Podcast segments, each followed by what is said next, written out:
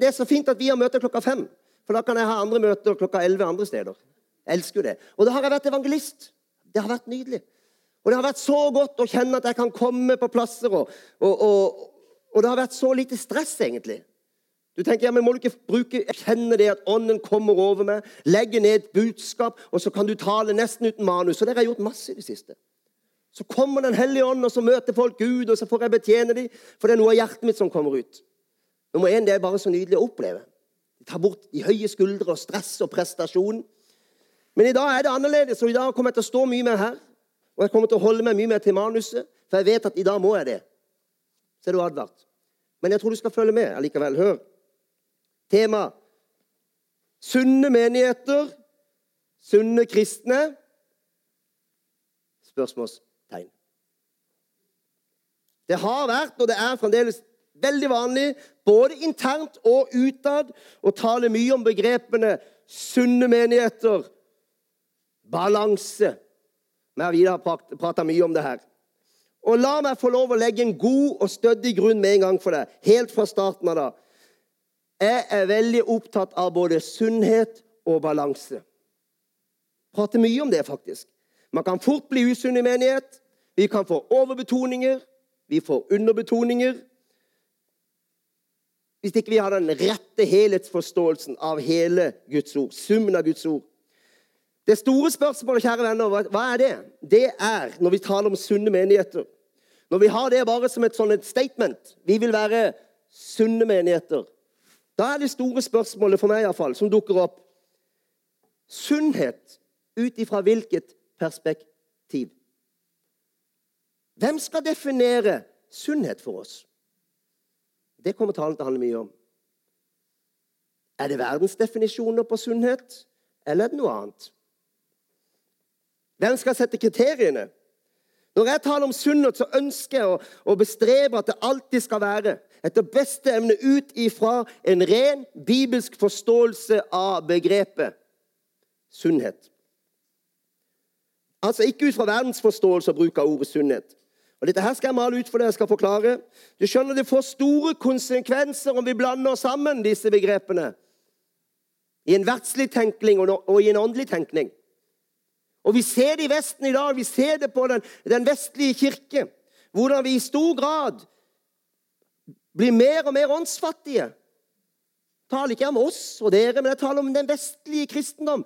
Blir mer og mer uten tegn og under og mirakler, og mindre og mindre av Den hellige ånds kraft. Og mer og mer av veldig mye annet. Jeg tror det henger sammen med mange av disse tingene. Når man profilerer på menighetens offentlige sider 'Vi vil være sunne', så er det, det høres jo fint ut, det. Men det kommer straks noen utfordringer, og de kommer fort på, som får konsekvenser. Vi må være våkne i den tid vi lever. Sant, Kirsten? Vi lever i helt spesielle tider. Og tidene foran oss kommer ikke til å bli mindre spesielle. Det kommer til å bli hardere, det kommer til å bli tøffere, det kommer til å koste oss mer, og vi må være våknere enn noen gang, venner. Der kunne du ha sagt amen. da. Jeg lurer på om jeg skal ta med sånn skilt som jeg kan liksom eh, Applaus, amen, halleluja. Så driver vi litt voksenopplæring. Er du våken for den tid du lever i? Kjære venn, er du våken? Grunner du litt på årsaker, sammenhenger i forhold til hva som hva betones i Vesten? Hva forkynner vi i våre forsamlinger? Hvorfor har det blitt sånn, og hvorfor har det blitt sånn? Jeg tror det er utrolig viktig at dere reflekterer, og dere grunner og dere er våkne, og dere søker inn i Guds ord. Vi slukes veldig fort av denne, det vi kaller tidsånden. Hvor mange har hørt ordet tidsånden? Alle har hørt det ordet. Hør, Tidsånden er ikke bare en analyse av den rådende tenkning og de verdier som er i samfunnet til enhver tid. Tidsånden er også en åndsmakt. Hørte du det? Tidsånden er også en åndsmakt. Det er viktig å være klar over. Det er en kraft i tidsånden som virker inn i våre liv hvis vi ikke er våkne. Hvis vi ikke har noe å balansere det mot. Da kunne du òg sagt amen. Det er greit. Og I kveld skal jeg utfordre deg litt. Og Vi skal se litt på premissene for å sette på disse ordene her. da. Sunnhet og balanse. Jeg sa at det store spørsmålet var fra hvilket perspektiv skal vi bruke sånne ord?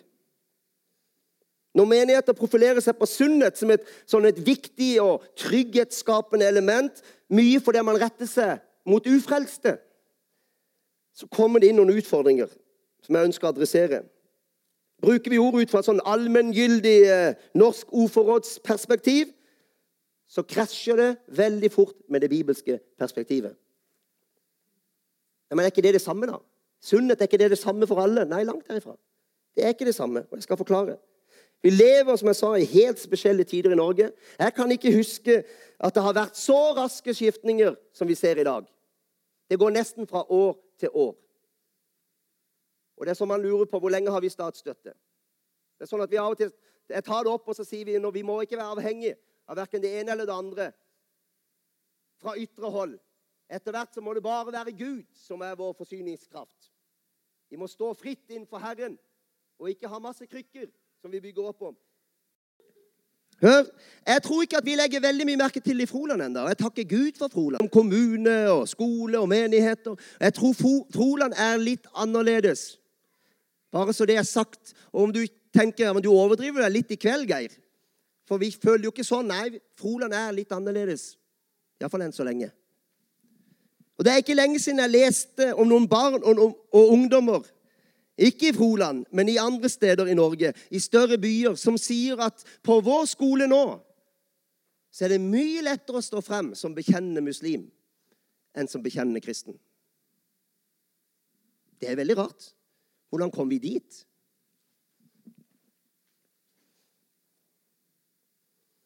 Vi har tradisjonelt sett vært vant til å bli betrakta som et samfunnsnyttig og positivt element i kulturen. Har vi ikke det? Det mener jeg vi har. Med våre alkoholfrie tiltak og ungdomsarbeid. Ungdomsmiljø med klare rammer og gode rammebetingelser. Med positive, flotte arrangementer for mennesker i alle aldre. Masse bra. Vi er vant til å få kred for det. Egentlig med god og uanstrengt kommunikasjon mellom menighet og kommune, menighet og skole, menighet og fellesarrangementer. Men jeg merker meg at holdningen på landsbasis er i ferd med å skifte hos mange. Ikke minst fra politisk høyrehold. Ikke fra deg, Ove. Du er ikke høyt oppe ennå. Ikke høyt nok oppe ennå, Ove. Det er bra. Jeg vet, hør, jeg vet at media og Facebook de er ikke dekkende for hele flertallet. La meg bare si det. Jeg vet det veldig godt. Jeg vet at det fins en så enorm makt. Det er et sånn jerngrep, dette med det politisk korrekte, at mange mennesker tør ikke å si hva de egentlig tenker, selv de ufrelste. Det må vi være klar over. Det er også sant. Men media, sosiale medier har en sånn enorm makt. Og flere og flere får sådd inn negative tanker om kristen tro, om kristen virksomhet. Det er tidene vi lever i, venner. Og da tenker jeg ikke bare tradisjonelle kritiske tanker. Hva mener du nå, Geir? Jo, hør, når jeg vokste opp, så var vi mange. Store kor. Vi pregde nok kommunen mer enn i dag. Men det var jo ikke alle som ville følge kristen tro. Men da var det gjerne argumentet som at det er kjedelig, det er traust, det er pietistisk, det er gammeldags, det føles ikke så relevant for meg lenger. Det var sånne ting. Men hør, det var veldig få som løfta fram at vi tenker at dette med kristen tro og overgivelse er skadelig. Det kommer mer og mer. Det er skadelig. Det er selvutslettende. Og nå har vi et ansvar fra høyre hold å ta vare på våre barn og våre ungdommer, at ikke de blir manipulert. At ikke de blir indoktrinert. At ikke de får uh, uopprettelige sår på sjela si. Det har ikke vært før i dette landet. Det har vært mange som ikke har vært tilhengere av kristen tro, ja. Men de aller fleste har kunnet si ja, men det er fint de holder på, det er gode ungdomsarbeid. Det har noe for seg. Nå kommer det en ny tone inn i det hele, hvor, hvor man snakker om at det er skadelig. Får du det med deg? Og Da forsøkes det mer og mer kontroll over menigheter og kirker i dag. Hvordan skal vi møte dette, kjære venner? Og Spør jeg i salen, så får jeg like mange svar som det er folk. Det er alltid fra bare Guds kjærlighet og bare Guds nåde til ren konfrontasjon og plakater og opptoger og trusselbrev og mottrusler i det verste fall kristne som holder på med sånn òg. Jeg vet ikke hvor gjenfødte de er, men det er nå så. Nummer én, la meg legge en grunn. Hvordan skal vi møte dette? Stå fast i vår tro. Være villig til å bære stadig større konsekvenser for vår tro. Er vi det? 1. Korinterne 16, 13. Vær våkne, stå fast i troen, vær modige og sterke. La alt dere gjør, skje i kjærlighet. Her var jo alt med. Det er herlig. Vi skal både være modige, vi skal være sterke, og så skal vi være kjærlige. Hvis du de, hvis du tar vekk bare ett av de elementene, så får du slagside. Du bare er kjærlig uten å være modig, så får du aldri delt evangeliet. Hvis du bare er kjærlig, nei, bare er modig uten kjærlighet, så slår ordet i hjel.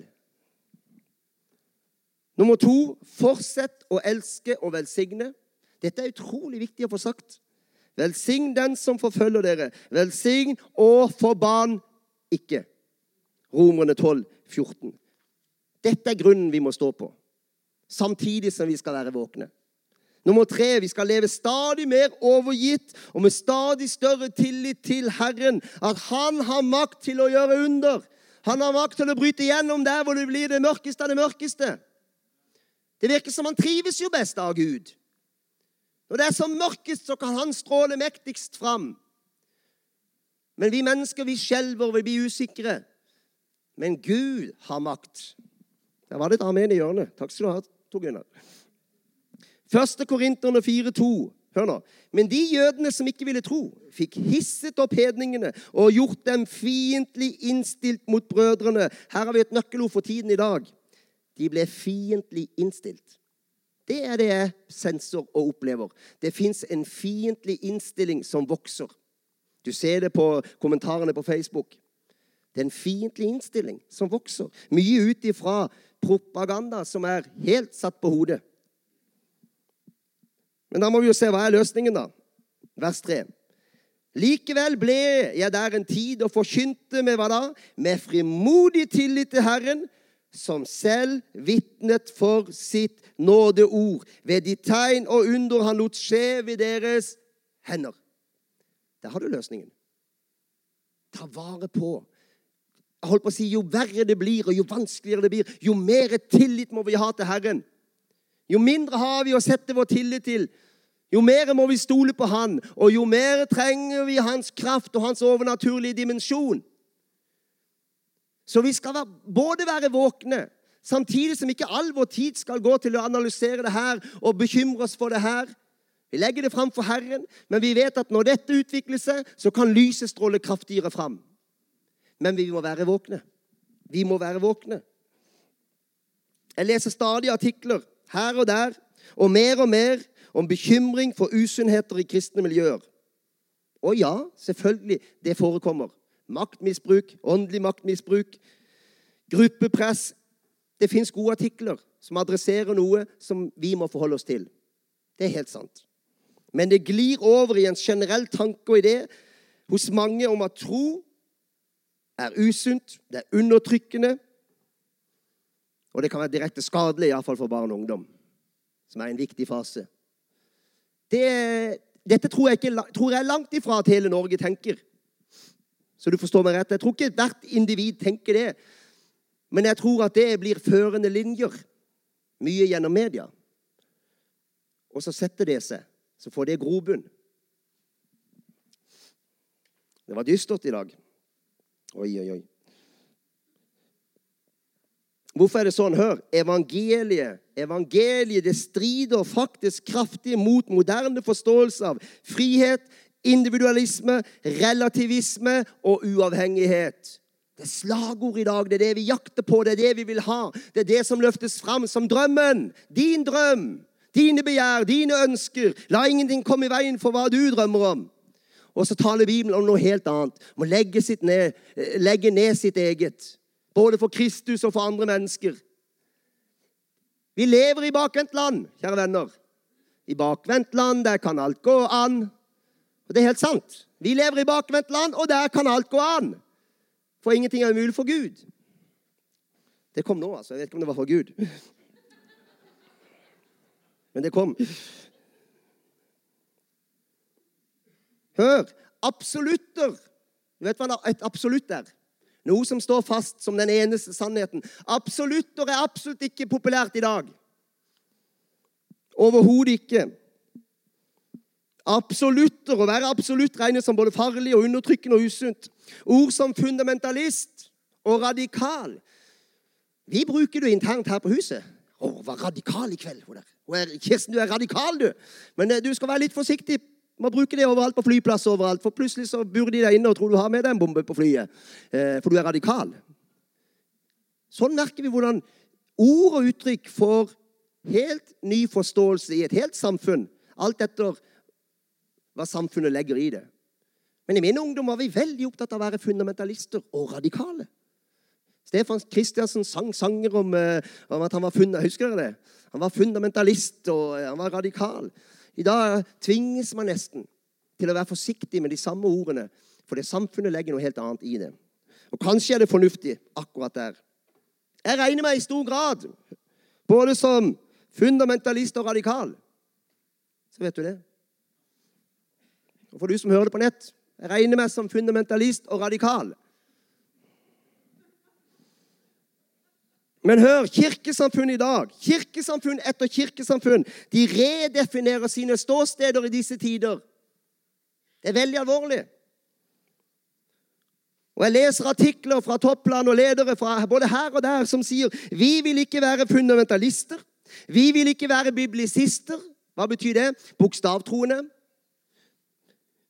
Vi vil heller ikke være relativister, sier de. At alt er lov. Vi vil velge, vi, vil, vi må finne et mellomstandpunkt, hører kirkeledere si i dag. Jeg skjønner hva de mener, men jeg sier likevel det ringer noen bjeller. De er røde. De har lyd fra sirener som gjør at når de, sånne sirener går ellers, så reagerer du og springer ut. I en ny skolebok i dag så brukes, leste jeg et eksempel eh, som for så vidt er rett. Helt sikkert var rett. Det var en som kjente en dragning mot eget kjønn. Men så er det en historie der om at vedkommende ikke tør å si det til sine strenge, konservative, kristne foreldre. Og selvfølgelig, det forekommer jo. Uten tvil. Klart det forekommer, og det er leit. Og vi skal alltid jobbe med hvordan vi møter både våre egne barn og andre med kjærlighet og nåde og godhet. Uansett hva de kjenner og hva de opplever. Det er alfa og omega. Det må vi gjøre. Men det er klart at når man tar det inn så sort-hvitt uten noe mer forklaring i nye generasjoner, så presenteres det et ensidig bilde av kristenfolket som mørke menn. Fullstendig uten pedagogiske evner. Hvor det, til og med deres egne barn ikke kan leve åpent med dem. Ja, det kan forekomme. Men jeg tror, jeg tror, det er langt ifra så mørkt som det fremstilles. Jeg tror mange møter mye kjærlighet og forståelse og nåde, samtidig som vi står på noe som vi mener er sant. Er du med meg? Nå er jo samfunnet disse dager virker som de er redd for at vi skal manipulere våre barn og våre unge til å oppmuntre dem til å anerkjenne seg selv og det kjønn de er født med.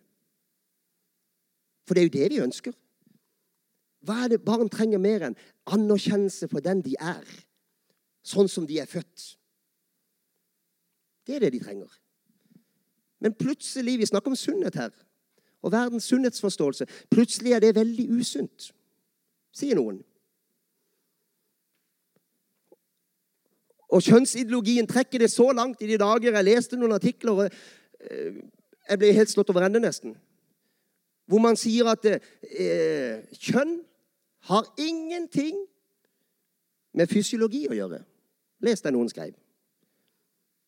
Det har, det har, ingenting med vitenskap å gjøre, det har ingenting med fysiologi å gjøre. Det er ikke lenger nok å kikke ned for å avgjøre hvilket kjønn du er. Det har vært nok i generasjoner, det, Sigbjørn. Det er sånn jeg slanker meg. Det er når magen blir for stor. Da må jeg redefinere alt. Men det er en annen sak. Det er ikke nok lenger. For det at vi skal løsrive det helt ifra fysiologi og vitenskap. Nå skal det være opp til hver enkelt, stakkar, sier jeg da. å søke inn i sitt indre. Uansett hvordan de ser ut. Om de sitter eller står opp når de er på do, så skal de altså søke inn i sitt indre og finne ut hvem er jeg Det er ikke lett når du er ung og du er barn, og det raser med spørsmål og vanskeligheter i livet ellers. Vi snakker om sunnhet. Verden ser på oss som usunne. For vi vil veilede, og vi ber og vise godhet og omsorg og følge opp sånn som vi vil følge opp ut fra Bibelen. Regnes som usunt blant mange. Fins en skepsis og en frykt for det. Da må vi være ytterst forsiktige. Jeg kommer inn på det, jeg skal ikke foregripe. Hvorfor snakker jeg så mye om det her? Det har en grunn.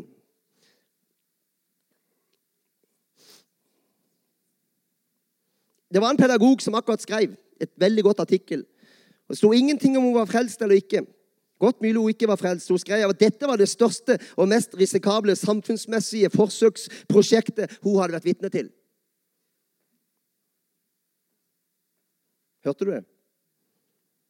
Det var det hva det var det mest risikable samfunnsmessige forsøksprosjektet hun hadde vært vitne til. Og det er helt sant. Vi taler om sunnhet, venner. Eller galskap. Når vi taler om sunnhet, så må, er det så viktig for meg. Det kan ikke, det må aldri være ut ifra et, et, forsøk på å fremstille oss i verdens øyne som eh, sunne, ut ifra deres begreper. I et forsøk for å tilnærme oss dem.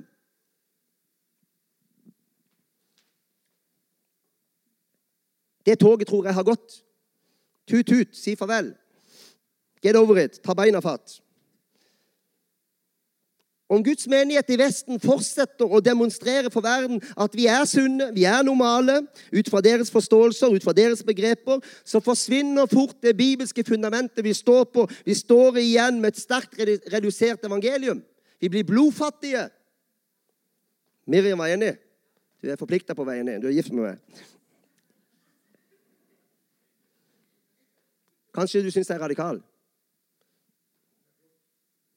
Verden kommer ikke til å synes at tanken om å oppgi seg sjøl er sunn.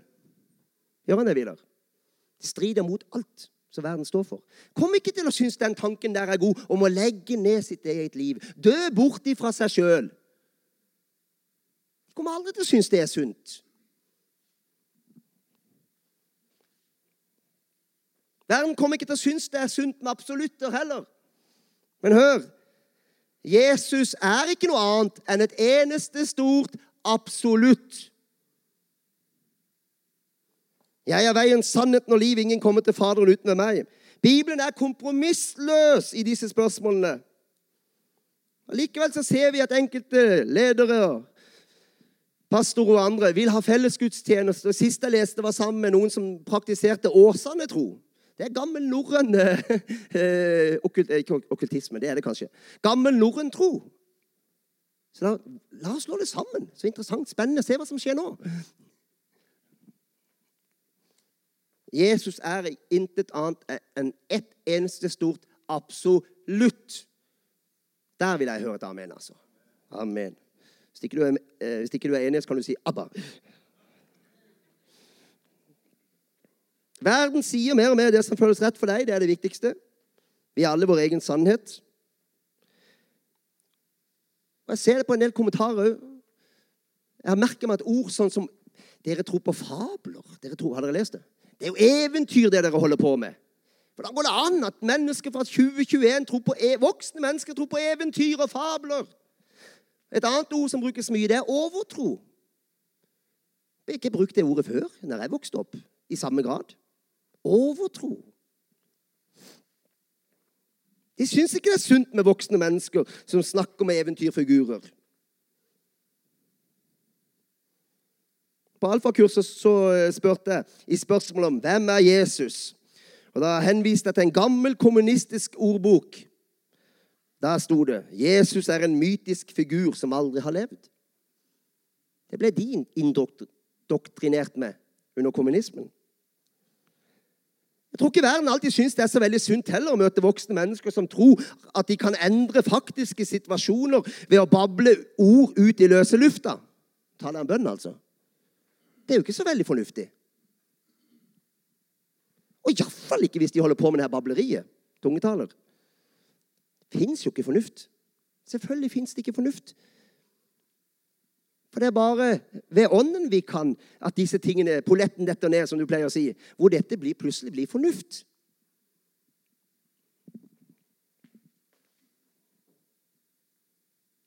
Amen. Ikke ferdig. Men klokka videre. Oi. Begynte, begynte kvart på. Da har jeg litt igjen. Nå skal jeg være litt frimodig.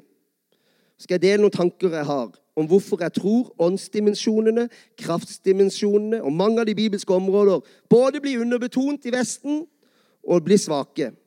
Kontra de pinsekarismatiske vekkelsene som faktisk raser rundt vår jord akkurat her og nå. Det må du være klar over. Og der er det andre strømninger som gjelder. Der er det annen teologi som har fått fokus i mye større grad. Bønn og overgivelse og vekkelse og bønn og, og eh, Hva heter det for noe når du ikke spiser? Faste.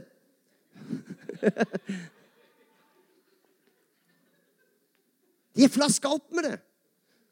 Du merker det med en gang du møter dem. De har en annen forståelse av det. Det er masse områder både i Guds ord og Det gjelder alt fra himmel og helvete, det gjelder alt fra endetid, det gjelder alt for at Jesus kommer snart igjen. Det er masse områder som er underbetont i vår tid. Og jeg personlig tror at mye av det handler om at kirkene på et eller annet tidspunkt, kanskje for 10-20 år siden, kanskje 20 allerede, begynte å nærme seg en tanke om at vi skal vinne mennesker i hovedsak gjennom relasjoner og vennskap og det å ha innflytelse i samfunnet, det å være anerkjent av samfunnet Taler jeg imot det? Langt derifra. Vi må ha mennesker som har ufrelste venner, og vi må bygge på relasjoner. Men det er bare det, når det ble nesten det eneste som vi skulle bygge på Når kraftsdimensjonen og vekkelsestradisjoner blir forlatt til en tanke for at vi skal bygge stein for stein, og det skal være på de og de premissene, som handler veldig mye om tilnærming. Da blir ord som sunnhet utrolig viktig for veldig mange. Da setter vi det øverst i våre statutter, synlig for alt og alle. Vi er sunne menigheter. Og spesielt når media holder på å løfte fram usunnheter og galskap litt her og der, da er mange menigheter de er ute med en gang og tar avstand fra det ene og det andre. For de skal iallfall være sunne, og de skal være relevante, og de skal være eh, Vet ikke hva de skal være. Jeg tror ikke de vet det sjøl. Det er en forførelse, venner. Det er en forførelse. Så sitter vi altså, som vi leste fra Paulus, med en så enorm kraft i det overnaturlige. Som om vi framstår så litt gale så fins det noe sterkere enn det. Det kommer ikke til å være det menneskene henger seg opp i, at Miriam kan være litt gal, for det kan hun sannelig. Det kan godt være det nevnes av og til. Ja, Hun var litt rar. Hun var litt gal. Men du verden, vi kjente det var noe der. Og hvordan kunne hun vite om det ordet som kom inn i mitt liv? Jeg har jo ikke sagt det til noen. Det endrer menneskers liv. Og den andre veien har vi gått på så utrolig lenge. Og vi ser ikke en vekkelse i dette landet. Vi ser ikke på en måte at det, det, det blåser med Helligånds overnaturlige liv over forsamlingene våre. Derfor preker jeg dette. Vi må være våkne. Vi må ta tilbake. Taler jeg imot noe? Nei, nei, egentlig ikke. Jeg taler ikke imot vennskap. Jeg taler ikke imot å, å bety noe for bygda. Langt derifra. Så langt vi kan, når det står i vår makt, så skal vi pleie relasjoner. Og det går ganske bra i Froland, føler jeg. Syns det, Ove. Takk skal du ha. Det går ganske bra. Men jeg tror det går langt mindre bra mange andre steder. Kom videre her. Vi bare kan finne nok kontaktpunkter om vi kan være velsett, om vi kan være respekterte, om vi kan framstå som sunne og normale og balanserte og moderate, så kanskje de kan tåle oss. Hvis vi kan invitere dem på noe, så de kan se at vi er ikke så forskjellige som de, så kanskje vi kan lure dem inn i det her.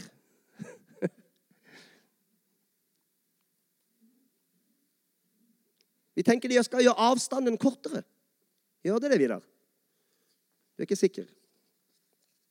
Altså, Vi vil gjerne vokse ut ifra anerkjennelse. Og mye av vestlig strategarbeid, strategi, strategiarbeid det strekker seg veldig ofte den vei om å bygge bro så avstanden mellom verden blir mindre. Jeg hopper over litt for, for din skyld. Normal. Hva er normalt, da? Hva er normalt, venner? Hvem skal definere hva som er normalt? Er ikke normal en plass? jeg? Er du? Nei? Er ikke normal en plass? Jeg har ikke tenkt å bli normal. Jeg husker godt andakter fra min ungdomstid. Fine samlinger. Men jeg husker så godt den dag i dag de sa i et forsøk på å bygge bro mellom ufrelste og frelste. Og der, I ungdomsarbeid er det jo begge deler. Så sto det folk frem og så sa de, det er egentlig ikke noe forskjell på meg og det, sa de. Eneste forskjellen på meg det, det er at jeg tror på Jesus, og du tror ikke på Jesus. Ferdig snakka. Det er jo ikke sant. Det er en himla forskjell av kristiansandsk. Veldig forskjell på den som er frelst, og den som ikke er frelst. Vi er nye skapninger. Vi er i verden, men ikke av verden. Og det var en viss kar nå som begynte å snakke om noe av det her. da. Han kom fra det ytre rom, fra verdensrommet. Og det er klart at da reagerer verden. Det skjønner jeg jo. Som man kommer fra en annen rase. Og man er kommet ned til jorda for oss å redde menneskene. Det er klart at Da syns jo verden er galskap. Og ikke er det sant heller. Men med oss er det faktisk sant, venner. Det er å forbli galskap. Det kan ikke tas inn her av et moderne menneske. Det vil aldri aksepteres. Det må forkynnes med nok holdt jeg på å si, åndsnærvær, så ånden kommer til og kan klikke det der umulige på plass. For det går ikke med opplegg, det går ikke med strategier, det går ikke med tilnærminger, det går ikke med menneskelige ord som sunnhet og balanse. Det er noe sterkere kost som må til. Han sa jo Jesus, hør på de ordene, Johannes 3, 8, 23. Dere er nedenfra. Det er nesten litt sånn håndmodig. Dere er ned... Jeg skulle sagt det en gang. Du verden. Dere er nedenfra. Jeg er ovenfra. Han sa det. Rett ut til ufrelste mennesker. Jeg kommer ikke til å si det, da. Jeg gjør ikke det. Dere er av denne verden. Jeg er ikke av denne verden, sa han. Så lærer Bibelen oss at vi også heller ikke er av verden, men i verden. Hvorfor det? For vi er blitt oppslukt i Han. Og er ikke lenger av verden.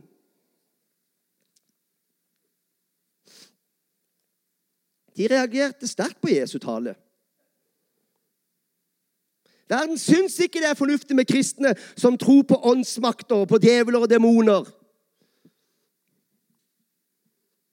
Det er ikke et sunnhetstegn for verden at vi tror på det. Kommer aldri til å bli det. Og I alle fall ikke om de, om de finner ut at ja, de holder på med sånn, sånn uh, åndelig bønnekamp. De fortrenger mørkets makter, og de strider mot djevelen. Du kan jo, høre, du kan jo se overskriftene i avisene våre. Men det er akkurat det jeg holder på med. Titt og ofte. Ikke hele tida, men stadig vekk. Det er ikke fornuft. Kommer ikke til å bli fornuft. Og det bekymrer meg veldig lite, for jeg vet at det fins en kraft i meg som er sterkere enn at jeg trenger logisk å overbevise noen om noe som helst. Jeg kom ikke til dere med, med, med visdomstale på menneskelig vis, i Paulus, men med ånds og kraftsbevis. Og jeg lengter etter at vi skal få, få mer av dette. Ikke bare i Froland, men i hele vår kristenhet, i hele Vesten.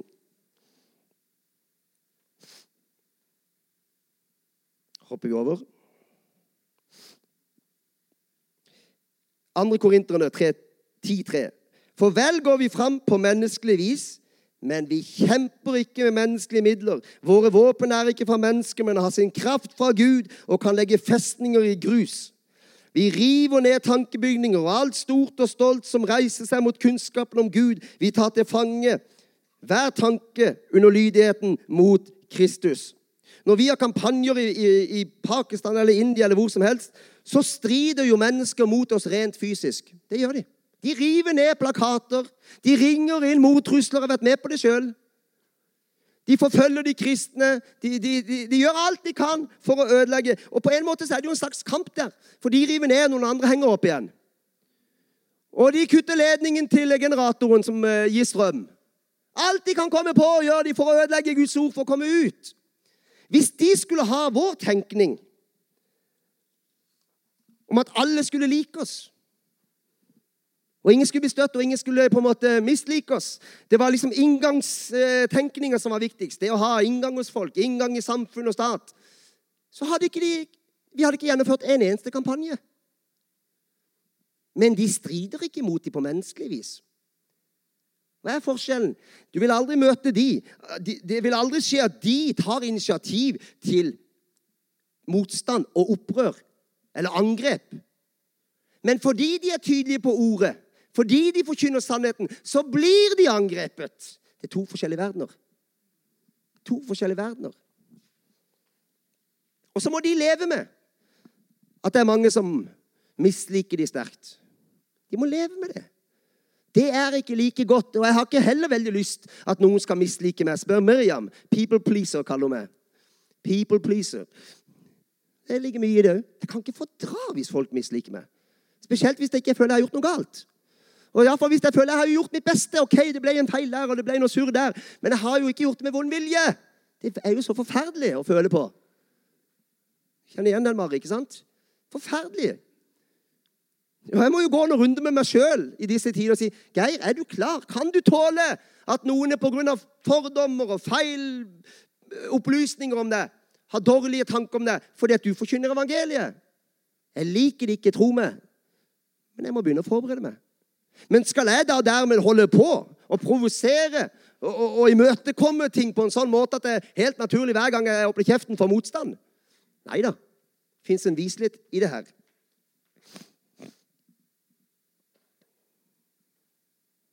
Våkn opp.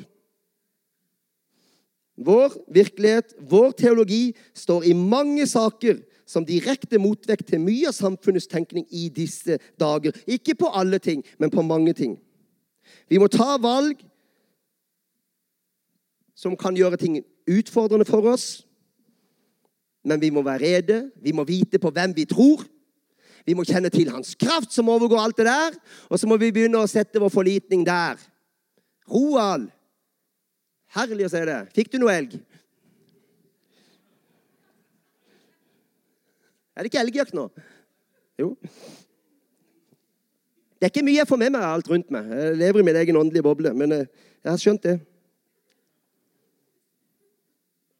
Vi skal ikke slutte å nå mennesker med godhet, med gode gjerninger, med vennskap, med relasjoner. Nei, langt derifra. Det er ikke det jeg sier. Det må du ikke tro. Jeg tror på det av hele mitt hjerte, faktisk. Men jeg tror ikke det kan være vår eneste inngang. Hvordan var det med den første menigheten? De uttalte at det fantes bare én vei, det var bare én sannhet. Det stred så radikalt mot tiden at du aner det ikke. Hvordan kunne de vokse mot alle odds, mot en ideologi som løfter fram det maskuline, styrke, ære og makt og krig og soldater, med en Gud som døde i svakhet, som lot seg frivillig fange og dø på et kors i fornedrelse? Det stred mot alt hva de sto for. Alt hva de syntes var majestetisk og sterkt og opphøyet. Når de hørte evangeliet, så syntes de det var noe fornedrende greier.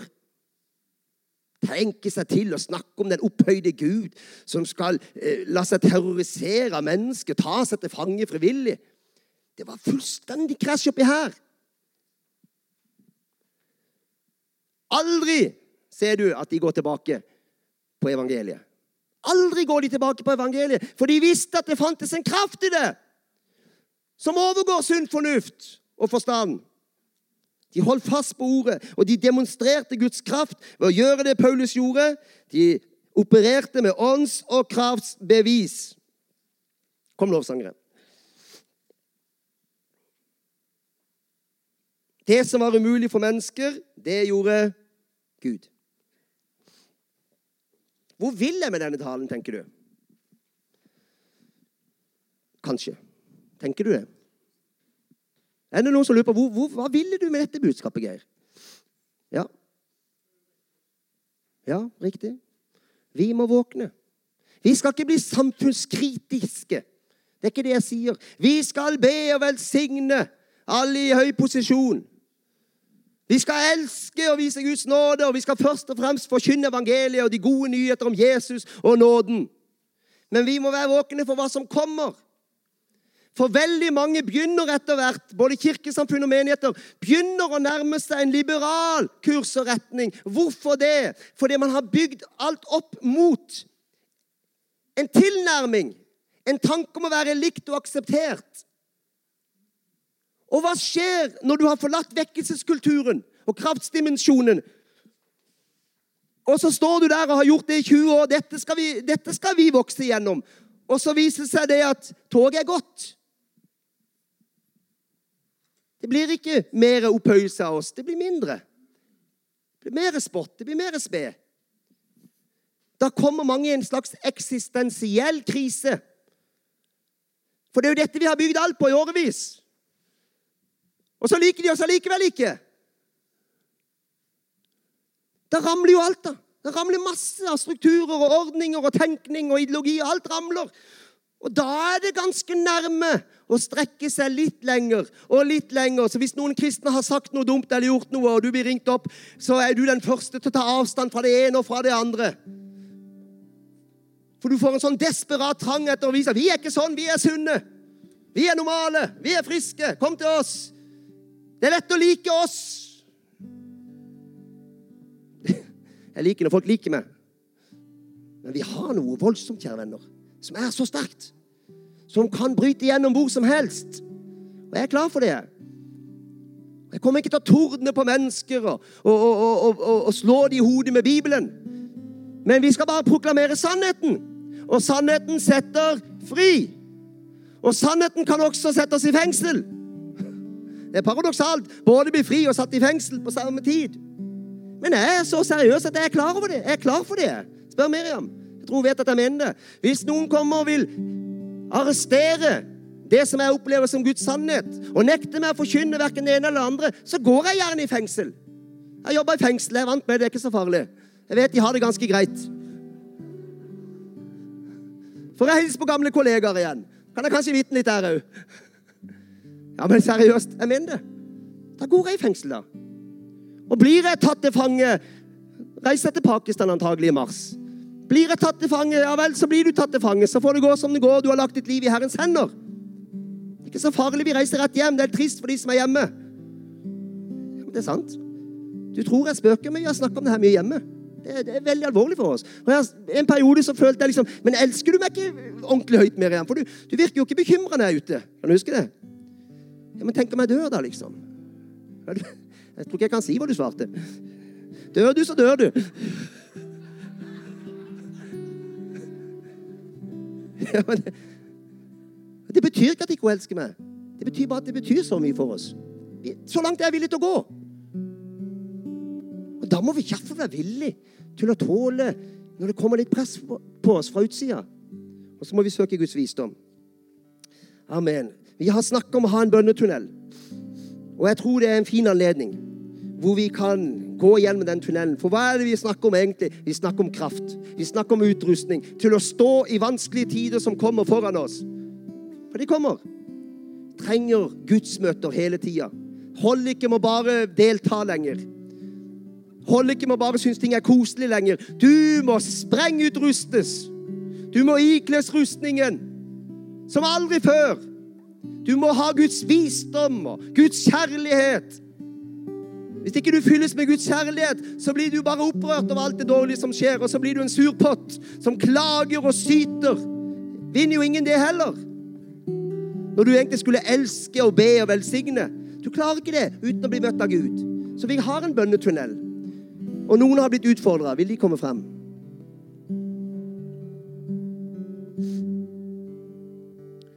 Og jeg tenker, La, la det være en hellig stund. Og vi lar våre budskap synke inn. Det er ikke noe klassisk budskap hvor du inviterer til verken frelse eller fornyelse, kanskje. Men la, la dette alvorsbudskapet synke inn. Og så går vi sammen kollektivt gjennom døletunnelen mens vi liksom henvender oss til han og sier, 'Herre, fyll oss, spreng, fyll oss nå, Herre.' Gjør oss klar for tider som kommer.